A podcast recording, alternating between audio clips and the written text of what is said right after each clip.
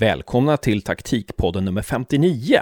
Jag heter Hasse Karstensen och med mig i intervjun har jag som vanligt Josef och i bakgrunden till den här podden finns förstås fotbollstränaren och analytikern John Wall. I nummer 59 pratar vi med Lotta Schelin en av de största svenska fotbollsspelarna genom tiderna. Lotta aktuell genom att hon nu släpper sin självbiografi och efter att ha läst den här självbiografin så har jag och Josef massor med frågor till Lotta. Hur var det egentligen med Patrice Lär, tränaren hon hade i Lyon? Men vad betyder Patrice för hennes utveckling? Och hur var det att komma tillbaka till Sverige efter att ha bott i Frankrike i tio år? Hur hade den svenska fotbollen utvecklats? Det och många andra saker pratar vi med Lotta om. Ni missar väl inte att vår vlogg på Youtube, där vi heter Taktikpoddens kanal, har kommit med ett nytt avsnitt. Nummer 34 så pratar John Wall om vikten av att prata om spelet innan man pratar om organisation. Han menar att det är väldigt lätt att man i början med ett lag pratar om hur man ställer upp och vem som är en sexa och vem som är en nia istället för att prata om hur man löser situationer tillsammans. Vill du ha chansen att vinna ett exemplar av Lotta Schelins nya bok? Då så ska du retweeta vår tweet, alltså taktikpoddens tweet från fredagen den 2 oktober. Då är du med i utlottningen. Ja, nu är det inte mycket mer att prata om än att lämna över ordet till Lotta Schelin. Trevlig lyssning!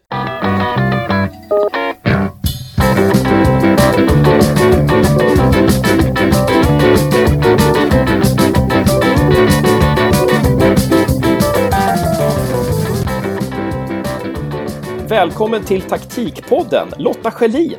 Tack så hjärtligt, kul att få vara med. Du har 185 landskamper för Sverige, 88 landslagsmål, du är Champions League-vinnare, du har OS-silver och en massa andra meriter. Men nu är du också aktuell med genom att du författar till boken I huvudet på Lotta Schelin. Eh, kommer det bli fler böcker efter den här Lotta?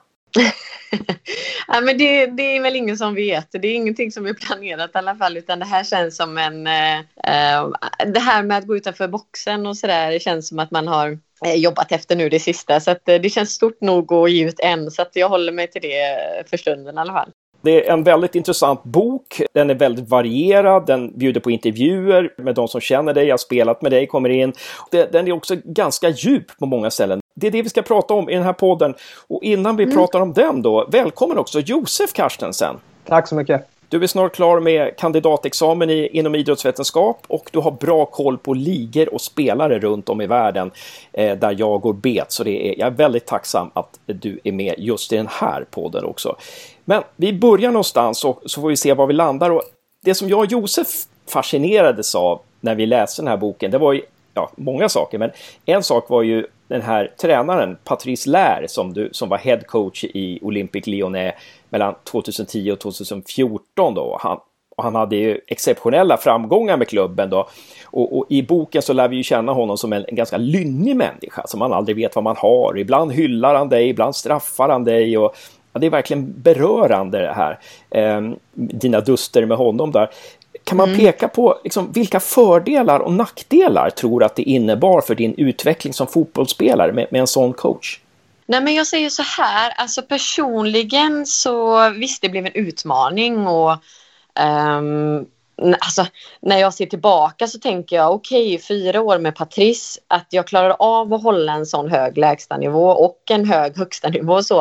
Eh, det var häftigt, alltså det var på något sätt mer att jag um, ja, men såg tillbaka och tänkte klarar jag det så klarar jag vad som helst. Och utifrån det så var det ju liksom uh, Eh, min karaktär blev ju stärkt. Eh, rent fotbollsmässigt, nej, men då får jag nästan göra en omväg och säga att när han kom in och satte den här höga eh, ja, men hö höga kraven och han var väldigt hård men det kändes som att han var rättvis eh, åtminstone till en början så så gjorde ju han att eh, den franska, franska mentaliteten där man är van att ha en väldigt auktoritär ledartyp eh, som säger till en vad man ska göra. Det var ganska bra för det laget, för det var ett lag som gick kanske på 80 procent, för det funkade. Och han kom in och ställde krav som var över 100 liksom. Eh, vilket gjorde att det sattes verkligen en vinnarkultur och det är verkligen hans förtjänst på alla sätt och vis. Och det gjorde ju att alla höjde sig, vilket såklart indirekt påverkade mig och mitt fotbollsutövande för att då fick jag ju liksom eh, ja, men som i alla lag, när det är hög konkurrens och när alla var på liksom eh, 110 så så var jag ju tvungen också att vara på 110. Så att indirekt så, så påverkar det mig verkligen jättemycket rent eh, spelmässigt. Sen så är ju en sån ledartyp i längden, och det är ju det man, jag pratar om i alla fall, eh, så är ju det lite förödande och ganska knäckande. För jag tror att eh, när man går in och sätter en sån nivå så efter ett tag så får man liksom sluta skrika och börja ta hand om det man har, det man har liksom, eh, ja, eh, sått om man säger så. Och, och det, det, är väl där det gick, eh, gick ifrån och, och gick ifrån mm, det som jag tycker känns bra. Mm. Du blev ganska stark mentalt tolkar jag det som då. Men hur var han som då liksom taktiker och sådär? Hur, hur utvecklades du taktiskt under honom? Nej men alltså lite både, alltså han hade ju sitt, sitt spel Eh, sitt spelsystem var ju 4-3-3 och egentligen ett 4-5-1 emellanåt. Men 4-3-3, det var ju det han kunde om man säger så. Och där var han stark. Um, han hade ju krav på individen på ett helt annat sätt och kanske inte jobbade på, på samma sätt som vi gör i Sverige med att man liksom eh, om vi jobbar inom, inom samma linje men även med eh, varandras linjer så att man någonstans både def, defensiven och, och liksom mittfältet eh, drar åt samma håll och, och det här gummibandet som vi pratar om. Mm. Det, så jobbade inte han på samma sätt utan man fick en väldigt så här, individuell roll och man skulle följa sina spelare så att han hade ju mer ett markeringsspel som, som var lite så här. Men jag vill säga att det funkade ju hur bra som helst för han hade ju eh, individer som var tillräckligt starka så att eh, vi var ju nästan bättre än motståndarna på varje position och då funkar ju det om man säger så. Så att eh, nej men jag, jag kände väl att han var sjukt bra på att eh, sätta liksom rätt spelare på rätt plats. Eh, och det är ju, ja men en bra tränare kan ju det och han hade ju såklart en jättefin spelartrupp som man kunde välja utifrån men jag tyckte liksom att det var verkligen en blandning av spetskvaliteter som gjorde det helt unikt. Och det tyckte jag han var väldigt bra på att sätta ihop, eh, som sagt, så länge det, så länge det funkade och ha den där eh, höga tonen. Mm. Eh, det där är ju superintressant. Alltså, det finns både fördelar och nackdelar då, men, men det håller inte i längden där. Nej. Ja, jag tänker, du skrev i, bo i boken att du blev mer en killer i boxen när du var i Frankrike. Mm. Och eh, vad berodde det på? Eh, jag hade också ett exempel där på att eh, Isak Kiese uttalade sig i en intervju nyligen om att eh, när han var anfallare i Europa så kvittade det väldigt mycket om hur bra insatsen var. Eh, och det enda det allt handlade om var att göra mål. Mm. mm. Absolut, och, och så var det ju lite och det var ganska Visst hade jag den pressen hemifrån också i och med att jag gjorde väldigt mycket mål. Men, men det blev mycket, mycket tydligare, precis som du säger, hemma eh, som var Göteborg då på den tiden. Så kunde jag ju fortfarande gå av och, och sträcka på ryggen om jag kände att jag hade gjort en bra prestation. Men det var svårare i Frankrike. Så där fick man ju jobba mer själv med liksom hur man ville sätta upp mål och sånt för att inte falla i den fällan egentligen. Um, men jag kände verkligen att det var mycket, mycket viktigare med poäng. Liksom. Assist och, och mål, det, det gjorde hela grejen. Så att, eh, och jag gjorde ju mycket mål också så det är klart att då kunde jag ju också liksom slappna av eh, ofta i min, i min prestation. Men det fanns ju de kraven ständigt på en.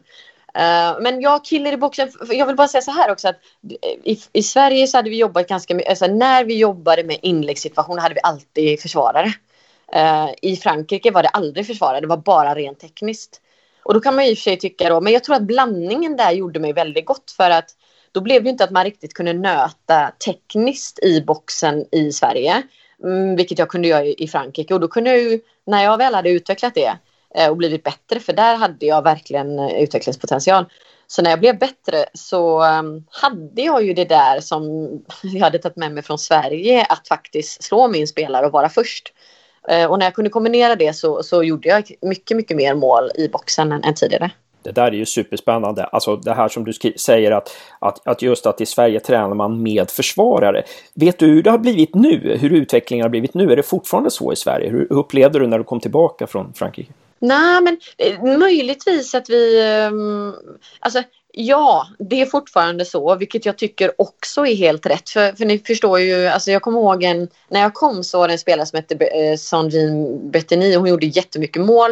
Eh, och hon var jättefin tekniskt, men hon var ganska liten och eh, fysiskt sett var inte hon riktigt där. Så att när det väl Eh, när vi tog kliven och vi skulle möta bättre eh, motståndare så var hon svinduktig om hon väl fick chansen. Men hon fick ju väldigt få eh, chanser framför mål med tanke på att hon inte riktigt tog sig till de lägena. Så att det är ju liksom, man, man behöver ju verkligen båda. Och i Sverige känner jag väl att ju mer tid, eh, ju fler träningar, desto mer möjligheter har det blivit också att kanske faktiskt lägga en halvtimme i slutet av vissa, eh, vissa träningspass på att liksom, eh, forwards får nöta avslut rätt och slätt. Så det kunde jag känna att det liksom hade landat lite mer i Sverige när jag kom tillbaka och kanske inte hade samma hets på att eh, ligga högt i tempo hela tiden. Och då kunde man också ja men du vet, ge oss en halvtimme i slutet av vissa träningar att få nöta. Och då nötte man ju rent eh, avslutningstekniskt. Och det så att eh, några några framsteg. Och sen kan det ju bero på tränare såklart. Jag hade ju Bosse Falken i början på min Landvetterperiod. En, en tränare som om man känner igen han så vet man. Men annars så kan jag säga att han var eh, långa bollar på bänk liksom. Och då, då var det ju liksom inte riktigt eh, hans sätt att se på saker. Så nötte vi inte på det sättet utan det var liksom lite mer tuffare och, eh, situationer, mycket spel och så eh, ja, och långa bollar liksom. Så att eh, det är såklart att det spelar in vilken sorts tränare man har också. Så att det här med att du blev en killer i boxen, det har med att du blev lite mer egoistisk kanske och du blev liksom... Du fick träna mer på teknik, avslutningsteknik. Eh, någonting mer där som, som liksom man kan tolka in i det ordet, liksom en kille. Någonting mer som, som förändrades i ditt spel i boxen där i Frankrike. Ja, men visst, alltså jag, kan, jag har inga problem. Alltså, även fast jag är väldigt kritisk mot Patrice och hans ledarskap så är jag ju också väldigt tydlig med att jag ser fördelar med det och framförallt eh, som sagt de första åren och sådär. Eh, så det han gjorde var ju att sätta, alltså han, ni kan ju förstå, alltså alla som var i Frankrike vet ju egentligen hur han var. Så det är ju egentligen ingen nyhet. Han var ju väldigt tydlig och högljudd och sådär. Eh, så att eh, det skreks ju i stort sett vid varje avslut. Så det är klart att man kände den pressen även varje situation man hade framför mål, även på träning sådär. Eh, så det gjorde väl att man åtminstone eh, såg till att vara där. Att, liksom, eh, att man inte skulle få, eh, vad ska man säga, eh, tillrop, att man inte ens var där, att man inte var först, att man inte liksom... Mm. Och sen får jag lägga till, alltså med min huvudvärksproblematik och nackproblematik som kom över åren så kunde jag inte nicka så mycket längre. vilket gjorde att jag inte kunde träna på det. Men mentalt så jobbar jag skitmycket med det och fick faktiskt eh, en boost i mitt huvudspel för att jag på något sätt bestämde mig att alltid vara där. Eh, och det är ju liksom så här, gå stenåt på första vid varje inläggssituation till exempel. Och för det var oftast, eh, det var lätt, alltså det var en smidigare nittsituation för mig liksom. Så då såg jag till att alltid vara på första och det gjorde ju också att jag och alltid sätta dit pannan på match. Vilket gjorde att jag faktiskt gjorde fler och fler mål på huvudet trots att jag inte tränade på det. Det var en inställning helt enkelt. Jag tror att det är viktigt att man har den inställningen på träningen också, att det är samma inställning på träning som på match. Ja men absolut, absolut. Alltså, eh, det kan, jag, det kan jag säga, så var det ju verkligen där. Det var ju nästan, alltså konkurrensen var ju mördande i Lyon, vilket gjorde att träningarna var ju nästan tuffast oavsett. Och, eh, där var man tvungen att se det som en match nästan varje träning. Så det skulle jag säga till alla, liksom, att eh, absolut se, se träning som om det vore match. För det, det man gör på träning gör man ju på match. Det, det, det är sen gammalt. Eh, så det skulle jag verkligen säga. Det var just, alltså just personligen med min huvudvärksproblematik eller nacken där, då hade jag svårt att, eh, att göra det på träning på samma sätt. Liksom. Så att det, det var mer att jag fick svänga runt det. Men överlag så ska man ju absolut, eh, den inställningen är ju klockren att ha. Ja, det där med din huvudvärksproblematik, det är också väldigt starkt eh, ett inslag i boken. Och, och sen så, så här, i Lyon, i alla fall under Patrice, så, så, skriver du att ni spelade efter devisen att anfall är bästa försvar. Det kanske berodde på liksom med, med vilka, tack vare de spelare ni hade i och för sig. Då. Men, men vilken skillnad mm. innebar det för dig och den fotboll du var van vid från, från allsvenskan, Göteborg FC och landslaget? Och så? Det är klart att det, det, det betyder ju lite också att vi tryckte upp med mycket folk och det var ju från första steget liksom, eh, vilket gjorde att eh, vi ofta hamnade på motståndarnas planhalva. Eh, och då förstår man ju också såklart att eh, ytorna blir lite mindre. Sen hade vi ett lag som, som klarade det och det vi var grymma på också och där mina spetskvaliteter kom fram framför allt var ju att vi faktiskt ställde om skitfort. Om vi hade liksom försvarat oss så, så var vi ganska duktiga på ganska få tillslag ta oss framåt och då fanns det ytor för, för mig att röra sig på. Men visst, överlag så handlar det om att sätta väldigt hög press och det gillar jag. Alltså, jag. Jag ville gärna gå tidigt och alltid velat. Sen, sen har ju vi haft både i landslaget och Göteborg och Rosengård haft eh, olika presshöjder beroende på också matchsituation och, och ja, tid på matchen eller liksom hur långt in i matchen. Så ja, jag, jag ville oftast göra det. Jag älskar det. Om man fick Eh, reagera på första passen från målvakten så gjorde jag jättegärna det om, om alla hängde på. Liksom. Det är ju förutsättningen och eh, det gjorde man ju i Lyon. Det var ju liksom lite det som var, var grejen att vi skulle skaka dem ganska tidigt för att fånga upp boll eh, på deras plan helt enkelt. Så eh, det gjorde ju också att vi slapp att liksom rent klassiskt försvara oss eh, så jättemycket utan man kunde mest se till att liksom eh, fånga upp de bollarna som de kanske, inte varje match såklart, men eh, många matcher desperat försökte få bort bara. Liksom. Så, så eh, ja, och sen som du säger, sen hade man ju liksom, det var ju i stort sett forwards på ytter, ytterbackspositioner eh, varje år höll jag på att säga. Så att, det är klart att det, det var en offensiv anda. Ja, jag tänkte på det, var det inte svårt för dig när du kom till landslaget, särskilt VM 2015 där när ni hade övergett 4-3-2 då och spelat 4-2. Ni spelade ganska reaktivt då. Uh, mm. Vad jag minns i alla fall, var det inte svårt för dig att komma till landslaget och spela så annorlunda liksom? Jo, alltså det kunde vara svårt eh, in emellan. Eh, jag var väldigt glad i och för sig eh, Eh, över de åren som jag liksom spelade forward i klubblag, spelade forward i landslag. Det är alltid svårare när man, när man går emellan. Eh, väldigt lärorikt dock, men, men svårare. Um, men samtidigt så kan jag säga att jag, landslaget var ju om något eh, en miljö som jag liksom eh, kände igen. Alltså egentligen från 15 års ålder nästan så. Mm. Eh, och vi hade ganska tydliga, eh, det är ju lite mer, vad ska man säga, de taktiska detaljerna är ju lite, lite, eller var lite, lite mer eh, precisa om man säger så. Eh, om vad vi skulle, göra, skulle göra, hur vi skulle göra i landslaget i och med att liksom vi har ett sånt sorts eh, landslag som behöver jobba ihop eh, och vara väldigt synkade. Så att eh, jag visste ju verkligen precis hur jag skulle göra, hur jag skulle pressa och vad jag skulle pressa och vem som skulle styra det. Liksom oftast är det ju, oftast är det ju forwards i alla fall som styr det. Så att, eh, visst, väldigt eh, annorlunda men samtidigt så kändes det verkligen som att man hade det i ryggmärgen lite att komma tillbaka till landslaget. Men, men såklart, alltså som, som alltid är det två helt olika lag så får man ju liksom ställa om och det är klart att det, det kan ju vara, det kan vara tricky när man är mitt i det. Mm. Jag tänkte på det du sa när, när du var i Lyon och när ni mötte de flesta lagen och att ni var bättre på de flesta positionerna. Mm. Eh, hur gjorde lag för att bryta ner er? Eh, om ni nu var alltså, bättre individuellt på varje position.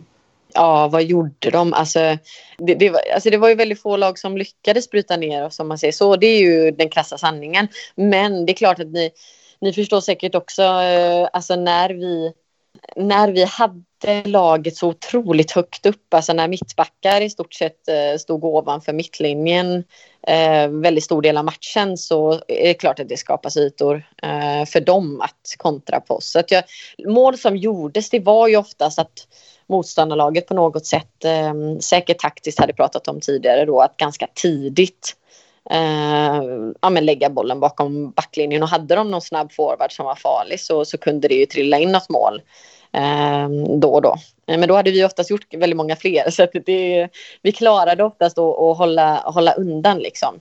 Eh, men sen så, jag vet att när vi mötte bättre lag och när vi behövde stänga igen, alltså vi hade ett år, vad var det, jag tror det var 12, eh, när vi gick hela vägen i Champions League, då mötte vi Potsdam som var liksom eh, våra rivaler eh, på den tiden och vann med, ja, snöpligt fick vi ett mål i, i, i, ryggen i slutminuten men vi hade gjort fem mål mot dem liksom. så vi vann med 5-1 och bara kände wow det var semifinal. Eh, och så åkte vi bort till dem och var fan ändå nervösa för att med shit Potsdam tyskor det är ändå tyskor de kan gnata på och helt plötsligt står vi där och så har de gjort tre, fyra mål och så är det liksom match igen. Och då stängde vi ju igen. Men vi klarade ju av att göra det också. Alltså det fanns ju en styrka i att liksom ändå rent defensivt. Eh, vi hade ju krav på oss från sidan att, eh, att jobba hårt i defensiv så det var ingen som så här, bara var offensivt lagd och, inte, och sen gick hem. Det fanns ju inget utrymme för. Så att, eh, vi hade ju ändå den andan liksom, så att vi till och med också kunde åka liksom, till Potsdam och stänga igen butiken och spela 0-0. Så att, det, det fanns ju en väldig bredd i, i laget. Så. Det var intressant att bara kolla lite, för du hade ju varit borta från svensk fotboll då i kanske tio år någonting och, och så kom du tillbaka. Och eh, hur tyckte du att den svenska fotbollen hade förändrats då när du kom tillbaka? Nej, men jag, alltså jag tror att uh, under de åren jag var borta så märkte alltså, men så här innan jag stack så var det ja, men väldigt Eh, under försäsongerna så var försäsongerna verkligen mycket utan boll, eh, väldigt hård träning, nästan så att de tre och en halv månaderna var liksom riktigt eh, så man fick bara köra ner huvudet och köra. Eh, och så höll man väl sig liksom i stort sett hela året på, på det. Eh, I Frankrike kom jag till en periodisering som var helt annorlunda där man såklart med tanke på ligan jobbar utifrån vissa matcher som var tuffare än andra. Eh, och så liksom eh, försökte man spetsa spetsa formen liksom periodiserande, vilket liksom var väldigt intressant för mig att, att få möta och, och, testa på. Så att, eh, det hade jag ju med mig och kände att vi kunde ta, ta vara på i Sverige också. Men över de åren så kände jag nog att det förändrades. Så när jag kom till Rosengård så kände jag att vi jobbade mer med periodisering och det var inte den försäsongen var inte lika mördande men den var bra. Men det var mer så här mycket med boll, alltså så här intensivt smålagsspel eller eh, med mycket spel och, och, mycket tempospel för att liksom hålla uppe konditionen. Så att där tyckte jag det hade skett en förändring och mycket snabba fötter och sånt som jag var jättevan vid i Frankrike och inte alls i Sverige. Så att eh, jag tyckte att, de, att det hade skett en förändring och sen så finns det ju alltid Eh, det är ju på gott och ont liksom för att eh, det kändes inte som att eh, alltså, svensk fotboll eh, på damsidan i alla fall var lika lika eh, vältränat på samma sätt. Det var vältränat men det var liksom eh, det var en lite, lite lättare. Det var kanske mer fokus på gymmet då i och för sig som, som hjälpte och, och stärkte upp väldigt bra. Så det var ju skitbra. Men det var, det var inte det här gamla hederliga, ligga och slita bara och, och kunna springa till the end of the world liksom, utan det, det, var, det var lite mer fokus på, på, uh, ja, på det fotbollskonditionsdelen och det, men det tyckte jag var intressant och kul. Ja, det, där, det låter ju lovande i alla fall. Det låter ju jättebra. Det låter ju positivt alltså, verkligen. Mm. När du spelar satte du alltid upp mål för dig själv. Kan du ge exempel på sådana mål eh, som du kunde sätta upp inför en match? Och eh, kan du nämna några speciella saker som, som du tycker att du utvecklade då? Ja, men absolut.